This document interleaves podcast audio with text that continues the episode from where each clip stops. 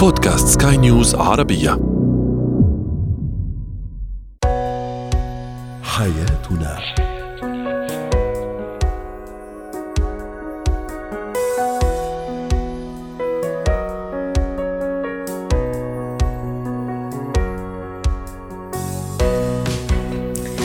مستمعينا الكرام أهلا بكم معنا إلى حياتنا فضاؤكم اليومي الذي يعنى بشؤون الأسرة وباقي الشؤون الحياتية الأخرى والذي يمكنكم الاستماع اليه عبر منصة سكاي نيوز عربيه dot com slash podcast وباقي منصات سكاي نيوز العربية الأخرى. شاركونا أيضا عبر رقم الواتساب 00971 56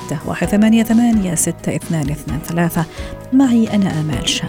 اليوم نتحدث عن الضائقه المالية التي تدخل الأسرة كيف نتعامل مع الأزمات المالية والضائقات المالية وكيف يتعاون الزوج والزوجة حتى آه، يتم تخطي هذه الأزمة المالية، أيضا الطفل المشاغب كيف نتعامل معه أخيرا؟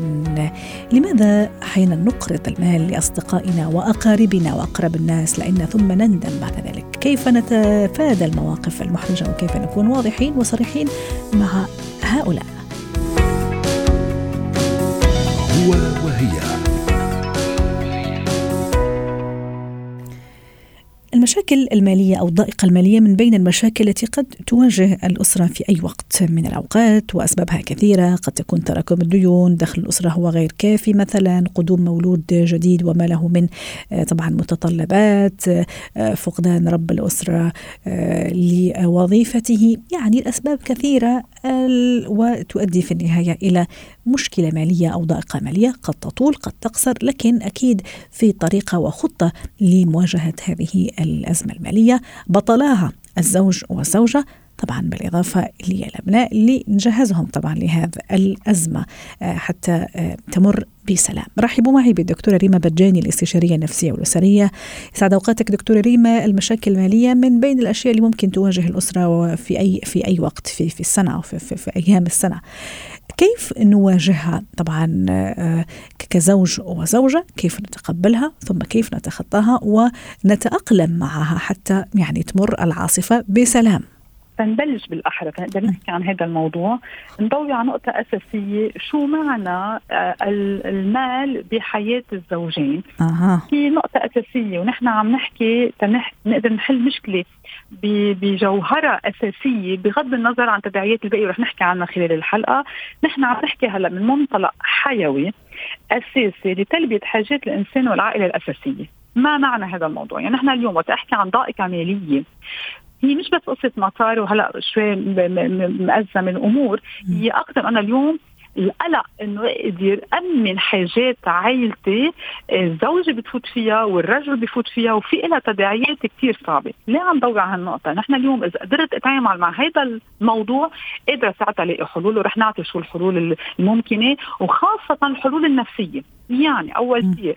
وهون أكيد كمان خلينا ندور على نقطة ثانية تنشوف إذا كان كمان في تغيير المستوى المعيشي لأنه حتى مثل ما قلت امل بالمقدمة إنه نحن اليوم إذا كانوا معودين على هذا النمط الحياة واذا ولد صار بدهم يخففوا بمحل معين أو يستغنوا عن بعض الأمور لهم يحطوها بالولد يعني يصرفوا على الولد شيء أو إنه بطل عندهم حتى يعني كان عندهم نمط حياة معين صار في ثاني أو لا اوريدي هن على قدهم. يعني عن هون كمان موضوع فينا نفوت فيه من كل جوانبه. كمان اليوم تغيير مستوى المعيشة اليوم أنا قديش قادر أتقبل؟ يعني بمختصر مفيد. عندي حالة نفسية بدها تنت رح تنوجد من وراء هذه الحالة إن كان القلق صح. الكآبة عدم إحساس بالمسؤولية عدم إحساس إنه أنا قادر لبي مسؤولية عائلتي الانهيار صح. عدم الثقة بالنفس. ممكن تحميل الآخر المسؤولية أنت السبب أو أنت السبب. مية بالمية المصروف عدم القدرة على إدارة الموارد بطريقة صحيحة. so بس أعرف أتعامل على هودي المواضيع ويكون عندي هذه القدرة على أنا أعرف حط أول شيء اتخطى هذه المشكلة حطها باطارها الأساسي. أعمل شيء بسميه أنا surviving mode إنه أنا اليوم أعمل cut لمصاريف معينة منا هلأ بحاجة لها ساعتها هون في احكيكي كيف الزوجة بدها تكون عم بتساند الزوج اذا اذا بتشتغل أو ما بتشتغل قد إيه قادره تحط من حالها أو إذا ما بتشتغل. كمان مثل ما قلنا بالأول إنه تكون هي عم بتوفر الشيء من بعض المصاريف لتقدر تكون عم بتساند الزوج. بس بنهي بقصة أساسية إنه هذا الوضع بده يكون في له حل على المدى البعيد. رائع. وأكيد الموضوع أو هذا الأزمة ما راح تمر كذا بسلام إذا صح التعبير. اولا مثل ما تفضلتي حضرتك أن إحنا نكون واعيين أصلا لمفهوم المال شو يعني المال بالنسبة لنا؟ ماذا يعني المال؟ هل هو وسيلة؟ هل هو غاية؟ هل هو الاثنين معا؟ إحنا نعرف كيف إيه، أحيانا يكون وسيلة أحيانا كيف يكون غاية. ثم كمان موضوع الأولاد وأسرتنا ومحيطنا خاصة الأولاد كمان دكتورة ريما إيه، لما كمان يبلشوا يعني يفهموا في سن معينة بيعرفوا ممكن راح تتغير عليهم حياة يعني نمط حياة معين. فإشراكهم بطريقة أو بأخرى وبطريقة كمان تكون واضحة وسلسة. من غير ما نحملهم كمان المسؤولية من غير ما نحملهم جميل إنه كمان نحن عم نشتغل مشانهم وشوفوا هلا الظروف وما أدري إيش. كمان طريقة أتصور كثير مهمة. أكيد أكيد. هون كمان خليني أروح معك بالعمق شوي. أنا بغض النظر إذا عم بقطع بضائقة ماليه أو لا أنا من الأشخاص يلي بقول مع تحميل الأولاد مسؤولية بمعنى آه، قيمه الأمور صح. عم نقوم فيها من دون ما نحملهم ذنب. في فرق كتير كبير. أوقات الأهل بلا ما ينتبهوا مثل ما قلت بالآخر هلا إنه بصير نحن هذه كرمالكم وهلا بدكم تتفهمونا وأكثر بيحملون ذنب وبيحملون قلق. الأولاد بيقلقوا أكثر منا. فمشان هيك نحن اليوم مع المسؤوليه يعني اليوم بعمر معين قد إيه بحق له لا لازم تكون موجودة. لو عندي القدرة المالية أنا اليوم لازم اكون عم حط limits وهون إذا بلشنا كنا already عم نشتغل مع أولادنا على هذا الإطار كوني أكيد بتقطع الأزمة على خير وما بيحسوا فيها لأنه أكيد الأهل رح يكون عندهم هذا المنطق اللي بيشتغلوا فيه. نحن اليوم المصاري لحاجتها. أوكي نحن هلا عايزينها بس نحن قادرين نتأقلم مع الوضع. اللي ما كثير بحب كلمة تأقلم بانما اتخطى هذا الوضع ببعض الحلول اللي أنا عم أقوم فيها ترجع اتقدم لقدام. من هون بقول إنه الولد إذا الأهل هن قطعوا هالمرحلة بأقل قلق وعرفوا لاقوا حلول الولد ما رح يحس فيها. وحتى رح يتقبل إنه بركي وهون رح يروح للأصعب إنه أنا كان كمان الولد معود على نمط حياه معين هلأ عم بغير إنه يقدر يتقبلها لأنه حاسس بالأمان. أنا اليوم علاقة المصاري وتحكينا عن موضوع حيوي هي قصة أمان. صح. وأمان وثقه كمان في الطرف الآخر. إنه نعم أنا وياك رح نتجاوزها لأني أنا واثقة فيك مثلا إنه عندك أفكار خلاقة أنك ممكن رح ترجع مرة أخرى تبني نفسك بنفسك وأنت كمان عندك أخلاق أفكار عفوا خلاقة ممكن تساعديني ممكن تعطيني أفكار و و و كمان ممكن أحيانا بعض الأزمات دكتورة ريما وشفناها وسمعنا عنها فعلا هم وصلوا للحضيض ووصلوا ل يعني ضائقه مالية كثير كبيرة لكن رجعوا من أول وجديد بالعكس غيروا أولوياتهم رجعوا رتبوا أولوياتهم جابوا أفكار جديدة. بنوا مشاريع أخرى أيضا.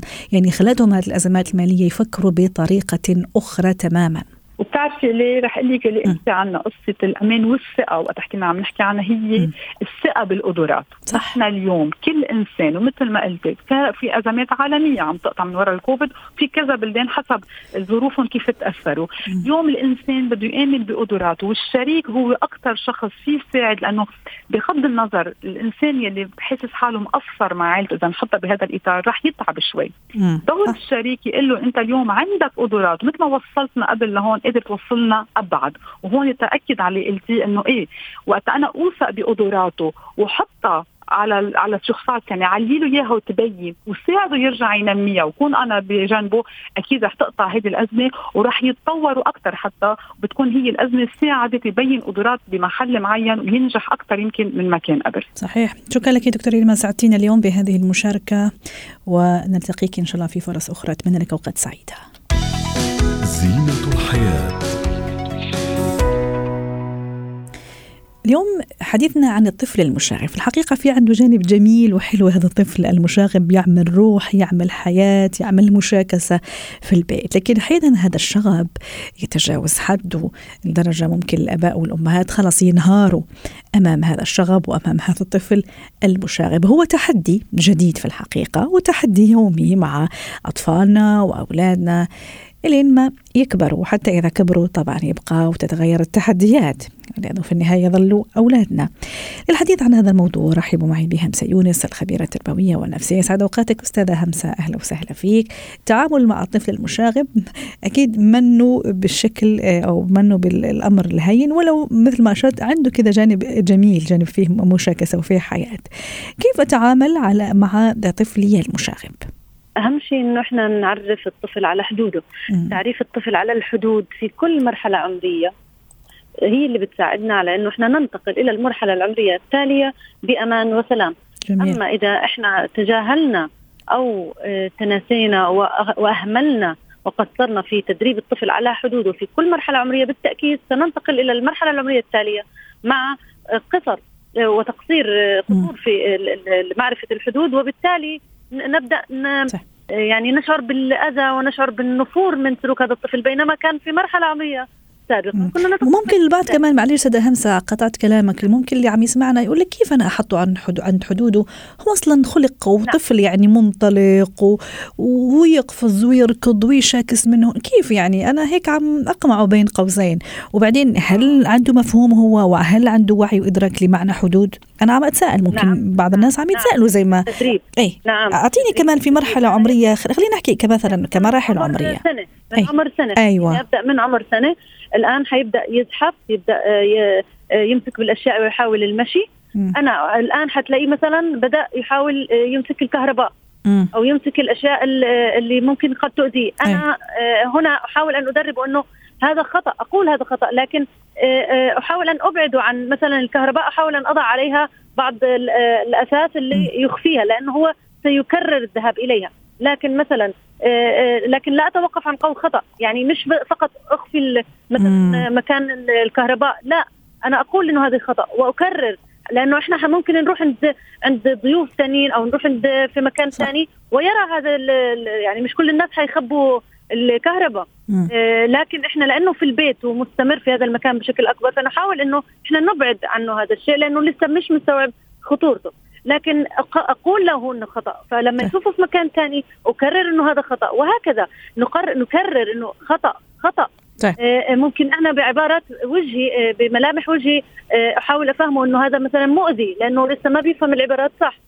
وهكذا كل مرحلة عمرية وفهم حدوده. مثلا لما يكبر شوي لو سمحت ممنوع تدخل على غرفتي لما تطرق الباب. مثلا ممنوع تفتح شنطتي رجاء شوفي أشياء بسيطة تبدأ بخصوصيتي صح. أنا كماما وبابا. هذه تدريب على حدوده. ليش؟ لأنه لاحقا قد تتحول إلى تطاول ومشاغبات مثل ما تفضلتي. م. مثلا لما أكون آه، آه، عند الضيوف أيضا آه، هذا المكان رجاء ما ندخله أو هذا الشيء لا نستخدمه. من الصغر وبالتالي يتدرب عليها. مش أنا أعطيه ينطلق وأقول لا ما بدي أمنعه وبعدين أجي أعمل له ضوابط ولائحة لائحة ضوابط مع ترهيب أحيانا استاذه هنسة ومع تهديد ومع توبيخ أيضا فأكيد هذا راح أيوة، يجيب أيوة. نتائج عكسية أحيانا أنفعل نعم. أثناء التعامل مع طفلي في وهو عم يشاغب وهو في قمة المشاغبة والشغب تبعه نعم. كمان موضوع الانفعال أحيانا الواحد يعني صراحة يعني الواحد ما يقدر يتحكم فيه أب وأم بعد يوم طويل من عمل ممكن ضغوطات العمل اليومية ومدري إيش وضغوطات الحياة وفجأة يعني بيروح يعمل لي حركة يعني قمة الشغب. ممكن كمان ضبط الانفعالات أتصور كثير ضرورية بالإضافة لاتفاق الأبوين كمان على ضبط هذا هذا هذا الشغب ويكون في طريقة متفق عليها مسبقا. لأني ممكن أنا أكون كأم ممكن أكون حازمة جدا في هذا التصرف لتصرف نعم. ابني باباه لا العكس. ممكن هو لا يكون حازم أنا شوية ألين. قصدي الاتفاق أنا وأنا وأنا والوالد أنا والزوج على طريقة ضبط هذا الشغب. لازم نتفق لأنه إذا ما اتفقنا الطفل سوف يميل إلى الطرف المتساهل مم. وبالتالي آه، آه، سيحصل الخلاف وهذا الخلاف أمامه سيضعف آه، توجيهاتنا سيضعف تأثيرنا على الطفل ويبدأ بالتمادي. يعني أنا تجيني حالات يعني الأم تكاد تكون منهارة نفسيا بسبب تمادي الطفل وعدم الاستماع إليها مطلقا في عدم وجود الأب. ليش؟ لأنه هي معتبرة الأب هو صمام الأمان اللي آه يعني أحيانا الأم بتقول لي أنا بكلم آه زوجي وأنا منهارة بقول له خفف من وقت دوامك حاول تقلل من دوامك أو أحيانا خذ إجازة وتعال ساعدني. يعني آه توصل لمرحلة من الانهيار. ليش؟ لأنه ما في اتفاق بينهم هم الاثنين آه وأيضا ضعف الشخصيه لاحظي في في أيضا ضعف شخصية آه، بعض الآباء والأمهات يساهم في تمادي الطفل وتجاوزه لحدوده. وهذا يعني مش ذنب الطفل صراحة. إحنا لازم نعرف وين نقاط ضعفنا ونعالجها أيوة. حتى لا يستمر الطفل بالتمادي قد يكون هذا الشغب أستاذة همسة طريقة تعبير عن امتعاضه من شيء عن نقص حنان معين أنا ممكن من مش منتبهة. لفت انتباه غيرة مثلا. معقول يكون هذا الشغب لأنه بده يقول لي أنا هون أنا موجود ولأنك أنت ما عم تسمعيني أنا عم نعم، شاغب. نعم. نعم أنا لسه لسه اليوم يعني وصلتني رسالة من أم بنتها عمرها خمس سنوات وبتقول لي البنت يعني تحولت لشخص آخر يعني بتحاول تخرب أي شيء بس للتخريب في البيت ولا تستمع إلي ابدا. كل ما أط يعني أنا كل شيء بقول عليه لا هي بتعمله. فطبعا هو في غيرة من مولود حديث في البيت وهذا سبب مهم أيضا لحتى يقلب كيان الطفل. فإذا يجب أن نبحث عن الأسباب. إذا إحنا عاملين حدود إذا إحنا عاملين كل اللي علينا إذا إحنا متفقين كأم وأب على خطوط واضحة في منهجية التربية. إذا أين الخلل؟ إذا نبحث عن وجود سبب خارجي خارج إرادتنا إحنا آه، آه، ونبدأ بمساعدة الطفل. واشغاله أيضا بأشياء مفيدة نتصور كثير مهم أستاذة همسة هذا الطفل المشاغب طبعا. أكيد إذا عرفت له أنا أشياء يحبها هواياته اهتمامات معينة إلا لما يعني اشغله فيها واعطيه خلينا مثلا نقول يحب الرسم أجيب له أقلام رسم آه، أوراق يعني ألوان جميلة. فاتصور يعني هذا نعم كمان نعم. راح يساهم. بالفراغ أي تماما. فعكس إذا نصبت له وقت طويل وعريض وما عنده شيء يعمل أكيد ما راح راح يشاغب ويبتكر آخر ابتكارات الشغب والمشاغبة إذا صح التعبير إيه. طيب. نصيحتنا الاخيره أستاذة همسة لكل الاباء والأمهات اللي عندهم أطفال مشاغبين. أحيانا أكثر من طفل ما شاء الله كمان هذه. هذا تحدي لوحده يعني عندك اثنين ثلاثة ما شاء الله. كلهم متفوقين على بعض في مجال في موضوع الشغب. نعم. أو أنا هذا اللي بيهمني جدا أتوقف إني أنا أخذ ابني بالمشاغب. آه، لأن مجرد ما أطلقت عليه هذه الصفة إيه. استقرت في نفسيتي واقتنعت بها آه، سيكون كل ما أعمل آه، لتعديل هذا السلوك سيكون يعني هباء منثورا لأني أنا مقتنعة في داخلي. أنه مشاغب فسيستمر الطفل بتقديم السلوك اللي أنا مقتنعة فيه بداخلي. رائع. شكرا لك أستاذة همسة سعدتينا اليوم وأتمنى لك أوقات سعيدة. مهارات الحياة. اليوم في مهارات حياة نتحدث عن موضوع ممكن بعضنا وممكن حتى كلنا ووقع فيه. لما نقرض المال لأصدقائنا أحيانا لأقاربنا لأقرب الناس لأن بنية مساعدتهم أكيد وفك الضيق عنهم وأني أساعد. ثم أحيانا لما أجي أطالب بهذا المبلغ وباسترجاع المبلغ تحدث مشاكل تحدث بعض يعني الحساسيات. هل لأني أنا ما اخترت الوقت المناسب حتى أسترجع فلوسي أو أني حكيتها بطريقة ممكن الطرف الآخر تحسس منها أو لأنه اعتبرها هو حق من حقوقه ومش لازم يرد الفلوس وحتى إذا ردها في الوقت اللي هو يناسبه مش اللي أنا يناسبني. رحبوا معي بلانا قاعاتي مدربة مهارة حياة. أهلا وسهلا أستاذة لانا. ودعيني أقرأ بعض تعليقات السادة المستمعين ردا على موضوعنا تساؤلي اليوم. هل سبق وأن شعرت بالندم بعدما أقرضت المال لأصدقائك أو أقاربك؟ تعليق يقول نعم هذا السؤال لي شخصيا وكتب نعم طويلة. ندمت بقوة لأني أقرضت وفزعت لمن لها يستحق. ود تقول نعم ندمت. ويعني كثير ندمت. وتعليق يقول نعم خسرت أحد أقاربي لأني طلبت أني أسترجع مالي. فلم يرضى. آه لا أنا آه في طريقة أني أطالب فيها لما أنا أقرض المال لأصدقاء ممكن حتى الأقارب أنه ترى أنا لما أقرضتك هذا المبلغ حتى أساعدك أو أساعدك وأني حاس فيك. لكن بليز لما أحتاجه يا ريت ترد لي إياه. أحيانا إحنا ما نقدر ما عندنا الجرأة نحكيها صح ولا لا؟ اغلب الاحيان يعني هذا الحوار عن المال والفلوس والدين هي من الحوارات المحرمة مجتمعيا. ما بنحكي فيها كثير بس كثير مننا بنكون مر بظروف أو البعض بمرمي مقالب بس ما بنتحدث وما بنحكي فيها بالشفافية لحتى الواحد يكون مستفيد. ونرجع لسؤال حضرتك إنه هل في آه، طريقة خلينا نقول إنه العقد هو شريعة المتعاقدين. صح. واللي بتصير وهو اي بس مشكلة لما تيجي تقولي لابن خالتك ولا بنت خالتك ولا لابن عمك ولا لأحد الأصدقاء إنه خلينا نتكاتب رغم إنه هذه طبعا شريعة المتعاقدين. رح يزعلوا. تماما هو الحكمة يعني خلينا نقول النصيحة الذهبية هون إنه أنت محتاج تعطي نفسك وقت تفكر قبل ما توافق إنك أنت تدين حدا ومحتاج إنك تتعامل مع الموقف كمان بحيادية من حيث أنك تضمن حقك. يعني أنا ما فيني اكون عم أقول أنا بدي ساعد حدا واستحضر نية. اني أنا نيتي ساعد الشخص الآخر وبنفس الوقت ما احافظ على نفسي. أي. فلازم لازم يكون في عندنا فصل. نعم أنت في عندك مشاعر في عندك تعاطف نحو أنك تساعد الآخر بس كمان لازم يكون عندك تعاطف لذاتك وتحافظ على نفسك م. لأنه هذا جهدك وتعبك.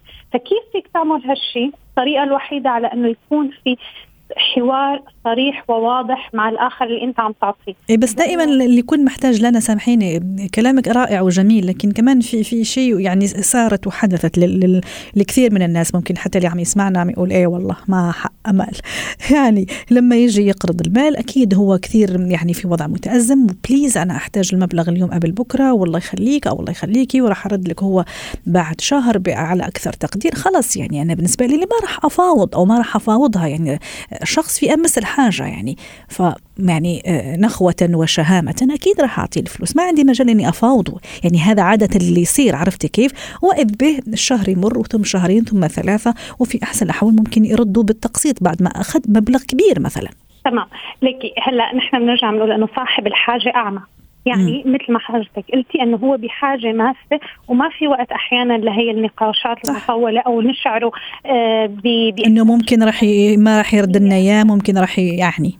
تمام. أي. تماما. لكن أنا بنفس الوقت على هي درجة النخوة العالية والكرم العالي وكل هي يعني هذا اللي هو الانصياع لثوابت اجتماعية غير منطقية م. ما فيها ضمان لحقي. فأنا إذا فعلا بدي غير وأنا بدي أقدم نصيحة لأي شخص مستمع اليوم نعم هي الثوابت المجتمعية المنتشرة اللي نحن تربينا وتعلمناها من باب الكرم والنخوة وخلافه. لكن هاي الطريقة ما فيها ضمان للحق. إذا بدنا نرجع بدنا معناتها نكون واضحين. أنا متعاطف معك. أنا بقول أنا معك متعاطف. أنت بحاجة لمساعدة. أنا عندي استعداد ساعدك بس أنا محتاج أعرف أنت إمتى ممكن ترد لي؟ ما في أي عيب بطريقة طيب. هذا السؤال. طيب ما معلش. لي هل حترد لي المبلغ كامل أم حترده فلازم يكون في اتفاق لأنا أعرف شو التوقع. أحيانا يكون في اتفاق لنا يقول لك مثلا حرد لك إياه بعد شهر واذا مثل ما ما يردش ممكن حتى يردوا بال يعني بالتقسيط. خلينا نقول مثلا أخذ 10000 فالاتفاق إنه أنا كل شهر أعطيك مثلا ألف. هذا أنا راح يضرني لكن في النهاية أقول خليه يعطيني الألف أحسن منه ما يعطيني ولا شيء. مثلا أغلب الوقت لما بتفوت المواضيع المادية بالعلاقات للأسف حيصير في خذلان وحيصير في خسارة وتأثير على العلاقة لأنه هون الثقة خلص يعني ممكن توصل لدرجة إنه تنعدم الثقة. والشخص الثاني بصير عنده مثل عقدة دونية. انه كأنه يلي ديانه هو بصير مسيطر عليه مش أيوة. بالخدمه بصير بيتفادى بصير بيتجاهله آه ما بيعطي أهمية هلأ أنت إذا بدك مصاريف ممكن تحاول تتواصل مع هذا الشخص تختار م. وقت مثل ما قلتي الوقت جدا مهم م. تختار وقت حسيته يا ترى هل بيظهر لي هو مر من الأزمة فيني أنا اختار وقت مناسب أحكي معه بشكل عادي آه، خبره إنه أنا عندي موقف معين إيه. معينة باختصار لنا هذا المبلغ. محتاجة هذا المبلغ. أحيانا يبطل يرد أصلا على التليفون أو على المسجز. للأسف نحن نوصل لوقت وحتى يعني بكل الدراسات إنه أنت بدك تكوني متوقعة إنه هذا المبلغ لن يعود. مم. يعني الاستسلام وتعتبريه آه، يمكن مو الجواب اللي بيحبوا يسمعوه بس هو درس من دروس الحياة. صح وكان ثمنه هذا المبلغ. أي شكرا لك لنا قاعاتي مدربة مهارة حياة. اسعدتينا اليوم ضيفتنا من دبي.